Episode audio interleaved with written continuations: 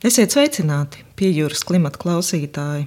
Pagājušais 2020. gads bija ievērojams ne tikai ar vispasaules pandēmiju, bet arī ar plašo itāļu kino dižgara Federico Fellini simtgades notikumu programmu.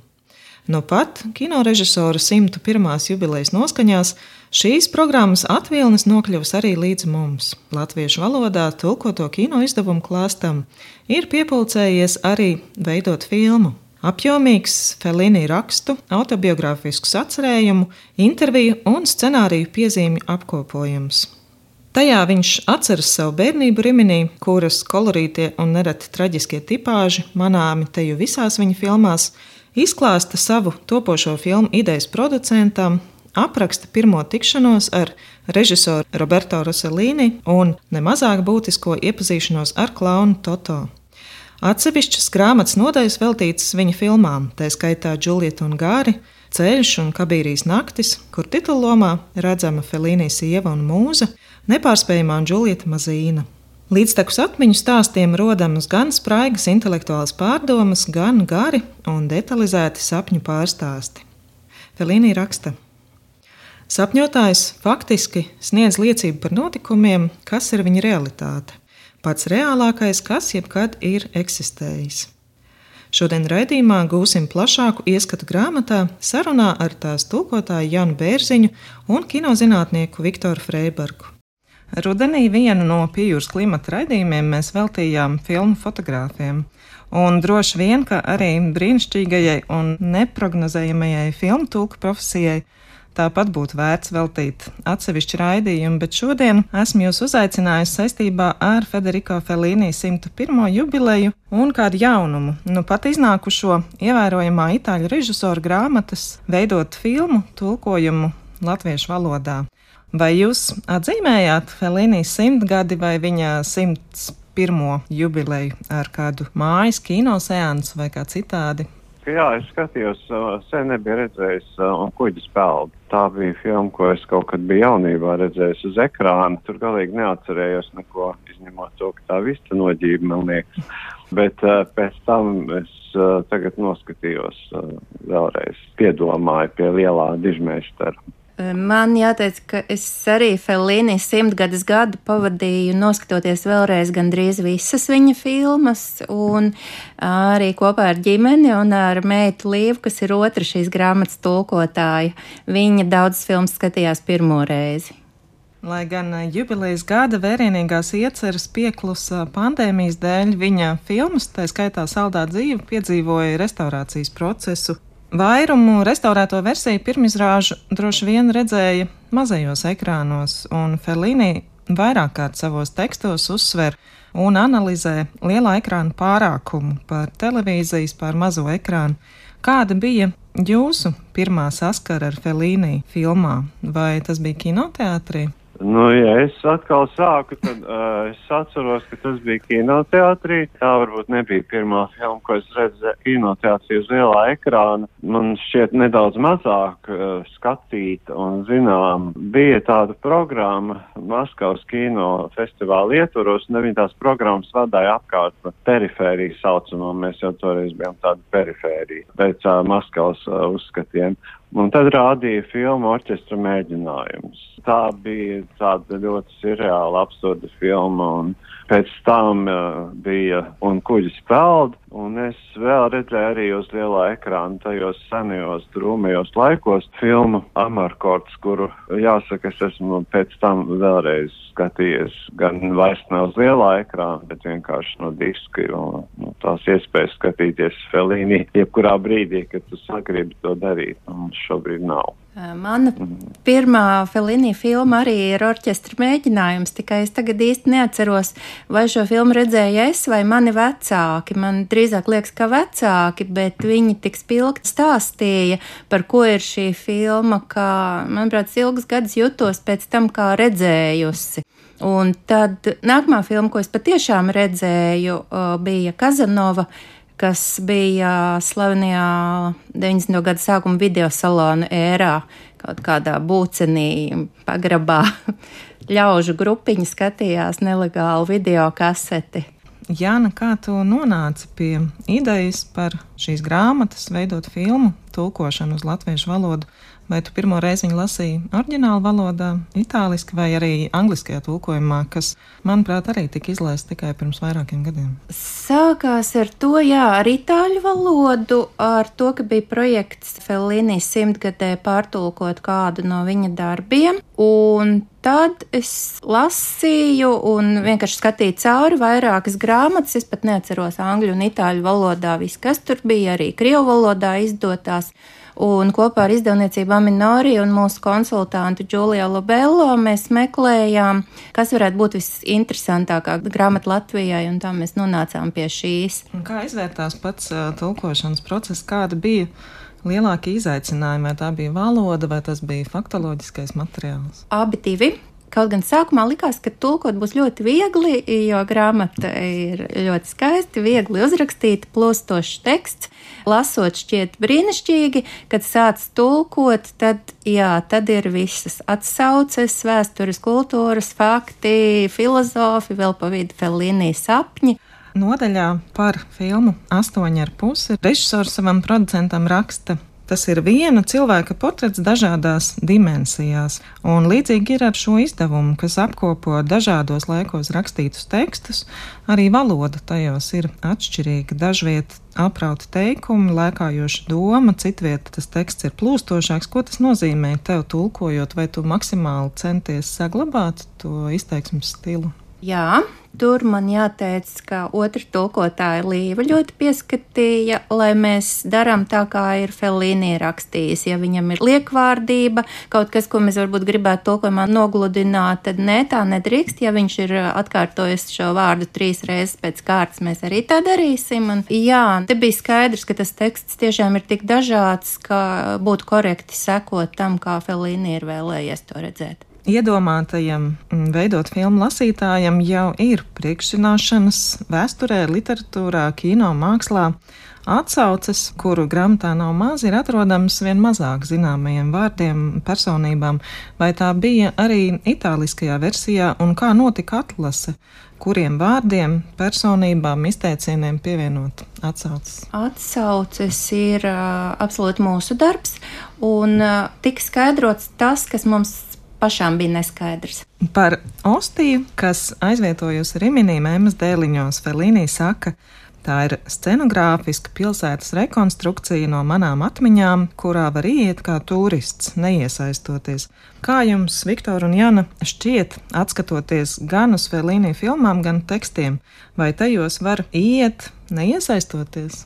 Nu, es domāju, ka noteikti jā. Nu, jebkurā gadījumā es negribētu iedomāties situāciju, ka pirms es skatos filmu, es mēģinu tur sameklēt visus iespējamās atsauces, visus šos nu, teiksim, kaut kādus vēsturiskos notikumus, tur mēģināt noskaidrot, uz kuru fonu vai kuru kontekstā kaut kas uh, notiek, jo viņa filmās jau ir šausmīgi spēcīga tā atmosfēra. Cik nu es um, esmu paspējis ieskatīties, arī grāmata, man liekas, ir ļoti vizuāla, kas ir tikai sagaidām. Bet es gribēju pieminēt divas filmas, jau tevis pieminēto iepriekš uh, Sālā dzīve, Ladolče Vīte, ko var skatīties absolūti vienkārši skatoties. Nu, tur ir, nu, tā ir bauda, nu labi, es varu nezināt, ka tas ir Adriāno Čaventāno, es varu nezināt, ka tur dzied Niko, ka tur parādās Niko, viņi, man liekas, tur nedziedāja. Un es varu nezināt, iespējams, kas ir Niko, pēc tam es to noskaidroju, un tad dabiski uzreiz ir savādāk. Bet es vēl vienu pavisam īsu tādu remarku gribēju pieminēt, ka viens, nu, faktiski man liekas, ka pirmais cilvēks, kas uh, man atklāja šo līniju burtiski dažu minūšu laikā, es chronoloģiju es neatceros, bet noteikti, ja mēs runājam par astoņu ar pusi, tad toreiz vēl bija Mikam Savisko raidījums kino un mēs, un viņš parādīja fragmentu pašu sākumu, kur ir tas sapnis un kur viņš aizlido mākoņos un pēcāk viņu ar virvi, un tā kā ar cilpu, cilpu viņam apmet ap kāju un norauj zemē, norauj pie zemes. Nu, un tad, kad es noskatījos to fragmentu, es domāju, žēliņ, ja es varētu šo filmu visu noskatīties, un pagāja kāds laiks, protams, diezgan ilgs, un tad arī šī iespēja radās, un tas bija kaut kāds, nu, absolūti neaizmirstams brīdis. Es to ļoti labi atceros, to fragmentu televīzijā. Jāna, kā tu teiktu, vai veidot filmu ļauj ielūkoties dziļāk uh, Felīnī filmu pasaulē, ķem tas vairāk ir stāsts par viņu pašu, laikmeta liecības, atstājot filmas kā vienu no teksta slāņiem? Tas noteikti ir stāsts vairāk par viņa filmām, jo Felīni apzināti cenšas aizbēgt no sevis jau no pašas pirmās epizodes, kur viņš ir slimnīcā, viņš koncentrējas nevis uz savu stāvokli, bet uz visu to karnevālu, kas ir apkārt un to absurdo situāciju. Felīnī grāmatā raksta, es neesmu spējīgs stāstīt biogrāfisku stāstu. Pienākums būt uzticīgam, patiesam stāstam man laupa stāstīšanas prieku. Un kā tu raksturot mm, šos Felīnī tekstus un krājumu kopumā, cik lielā mērā tās ir viņam raksturīgajā, ekscentriskajā stilā piefiksēts atmiņas un cik lielā mērā tas ir fantāzijas lidojums. Ļoti precīzi Felīni ir to aprakstījis, jo grāmatā nav nekādas chronoloģijas, e, tur savijās dažādi tēli, fakti, cilvēki. Tāpat mēs lasām viņa frāzi jāatzīst, ka jau kādu laiku es veidoju filmas tādā pašā garā, kā cits izvāc dzīvokli, izsolot mēbeles, pārbīdot priekšmetus vai pienākumus no ceļa. Vai tāpat varētu būt rakstīts šīs piezīmes arī ar vēlmi atbrīvot vietu prātā, atmiņās? Tā varētu būt, jā, un arī šī grāmata ir um, rakstīta un likta kopā, apmēram ļoti līdzīgā stilā kā filmas. Ir tādi paši tēli, notikumi savijās, un nav tās chronoloģijas, un, teiksim, Felīnī tur ir it kā licis kopā visu, kas viņam tajā brīdī, acīm redzot, ir licies interesanti. Tur ir pat iekļauti scenārija fragmenti, kaut kādas pārdomas par filozofiju, misticismu, jā, kaut kādā mērā varbūt personīga psihoterapija. Viktor, nesen iznāca jūsu grāmata Kinomāna slimības vēsture, vai tās tapšanu arī varēja pielīdzināt šādam dzīvokļu izvākšanas, jeb vietas atbrīvošanas prātā procesam? Nu, principā, jā, un es nekādā veidā nepretendēju uz Felīnijas statusu. Tas, nu, ko tu pārliek, kas vēl tik traki ar mani vēl nav. Uh, varbūt pēc desmit gadiem, nu, Dievs to zina, kas notiks. Atklāt sakot, man ļoti fascinē tas rakstīšanas veids, un es te nedomāju to savu grāmatu, kas vispār tāda maza grāmatiņa, un vispār tāda piezīme grāmatiņa. Un es domāju, to rakstības stilu, ko piekop arī starp citu rakstnieku, un te es neiecināšos jums vairāk par Felīnu jārunā, piemēram, uh, Joyce stāsts krājums Dublinieši ir rakstīts tā, it kā nu, mēs to stāstus uh, drīzāk redzam, nekā mēs viņus uztveram. Nu, bet tur, protams, pēc tam ir ļoti spēcīgi jāanalizē, tam līdzīgi. Bet tā vizualitāte man ļoti patīk. Man patīk arī tas, ka nu nav chronoloģijas. Es nekad neatceros datumus un kaut kādus gadus. Un atmiņa jau ir priekš tam, lai viņi transformētu kaut ko tādu, kas ar mums ir noticis, bet pārvērst tādās uh, nelielās filmās, nelielās etīdēs, uh, kinematogrāfiskās tieši, kur var izmantot ļoti līdzīgus. Nu, kā ģēstrodas tēni, piemēram, viņa rakstīja tā, it kā filmēt filmu, kaut gan, es godīgi teikšu, viņai nevisai labi padevās. Bet, jebkurā gadījumā, tas, man liekas, ir tas vizuālais elements un tā nu, norakstīšana no sevis nost un tā, nu, tas tā kaut kā intuitīvi. Es jau nerakstīju to grāmatu publicēšanai. Jā. Es tiešām nerakstīju. Es to būtu darījis, tā grāmata būtu šausmīgi garlaicīga. Varbūt, ka tagad viņa arī ir garlaicīga daudziem. To es nezinu. Bet katrā gadījumā tur ir milzīgas atšķirības. Kāds ir iemesls? Mums kaut gan var būt dažādi. Felīnijas pieņemt ļoti apzināti rakstīju šo darbu bet varbūt viņš nemaz negrib. Es domāju, ka viņš iespējams arī nemaz nedomāja par to, kā tas tiek publicēts. Es norobežojos, es vispār jūtos mazs, sīks un vispār nekas neesmu filmas uzņēmis, neesmu tādus opus sarakstījis un nekad droši vien arī neuzrakstīšu. bet vispār tas ir ļoti dziedējošs process. Felīnī vairāk kārt mm. uzsver, ka viņš pabeigtu filmu savu filmu vēlreiz skatīties nevēlas. Kāda attieksme jums abiem ir pret saviem tulkojumiem, pret tekstiem, vai jūs mēdzat pārlasīt tos jau izdotā veidā? Es noteikti nemēdzu. Man šķiet, ka Felīna būs pirmais izņēmums. Es jau tagad esmu mazliet pārlasījusi, jo, jo tas ir tik brīnišķīgs sapņēns teksts. Bet nē, tulkotās filmas noteikti es izvairos skatīties. Jo vienmēr liekas, ka kaut ko varēja uzlabot. Es arī nē, es to savu grāmatu vienreiz eh, domāju, jāpaskatās, kas tur ir. Es sāku lasīt, un es domāju, cik šausmīgs teksts, un es noliku nost, un es, es to nespēju lasīt. Un tas pats arī droši vien būs ar to nākamo, kas kaut kad iznāks nākamgad, nē, šogad, pareizāk sakot. Bet uh, kaut kā vēlreiz to tekstu tā lasīt, nu es nezinu, es nevaru savus tekstus lasīt īsti arī. Man jau viņi nemaz tik daudz arī nav, bet vienalga, princips paliek princips. Noslēgumā es vēlējos jums pavaicāt, kuru no Felīnī filmām jūs redzat kā visilgmūžīgāko, kā vispārliecīgāko, ko cilvēki vēlēsies skatīties vēl un vēl arī nākamajās paudzēs? Nu, man jau nu, liekas, tomēr uh, Ladoča Vīta sāla dzīve, tāpēc, ka tā ir filma, um, praktiski, uh, nu tā nedrīkstētu darīt, bet tā ir filma, ko var skatīties. Teiksim, noskatīties vienu daļu un pēc tam noskatīties atkal kaut kādu citu fragmentu. Un uh, man ļoti, nu, es negribu teikt, ka tā ir obligāti viņa labākā filma. Viņam, nu, es nevaru pat pateikt, kur ir viņa labākā filma. Bet Dolce Vita viņa ir tik ļoti jutekliska, nu, kā visas pārsvarā Felīnī filmas, un tik ārkārtīgi uh, ievelkoša, ka tajā nu, atmosfērā tur jebkurā brīdī pēkšņi ieslēdz kaut kādu vienu fragmentu no uh, filmas otrās daļas vai kaut kur jau no beigām, un jebkurā gadījumā ir ļoti grūti pēc tam to izteikt. Man liekas, ka tā varētu būt. Bet nu, tās nu, ir prognozes. Es jau nezinu, ko tie cilvēki skatīsies, vai viņi vispār skatīsies. Nē, nu, cerams, ka skatīsies, ka jau. Man izvēle ir Amarkārta. Man pašai tā ir vissvarīgākā Felīnija filma, ko es laiku pa laikam paskatos tāpat vien ar savu eleganci, to itālisko, arī tādu nenoteiktību,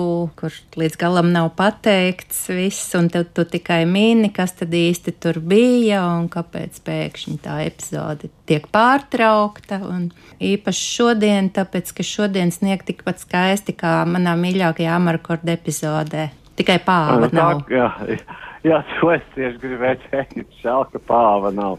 Jo tas pāvs, tas ir neaizmirstams. Es daudz ko aizmirstu no tās filmas pirms es skatījos vēlreiz. Ja? Un to pāvu es atceros kā tādu brīnumu. Es domāju, ka es kaut, kaut ko tādu spētu izdomāt, bet, nu, ko es vairs nevaru izdomāt. Es jau nevaru aizstāt pāvu ar kaut kādu cielaviņu. Kas... Kaut arī šim pāvam ir pilnīgi racionāls izskaidrojums, kāpēc viņš tur ir. Tas ir kaut kāds nabaga putns, grāfa pāvs nobijies no sniega, kas eh, tajā reģionā nav nekas parasts. Bet filmā, protams, viņš parādās kā tāds brīnums. Nu, tad... Jā, es tikai nesaprotu, kā viņi piedabūja to pāvu, to asti atvērt. To es nezinu. Tā taču pāvi parasti pasūtījumu nedara. Tie vēl Bet, bija nu, tie laiki, kad kino drīkstēja ar dzīvniekiem izturēties tā, kā šajos laikos vairs nedrīkst. Varbūt.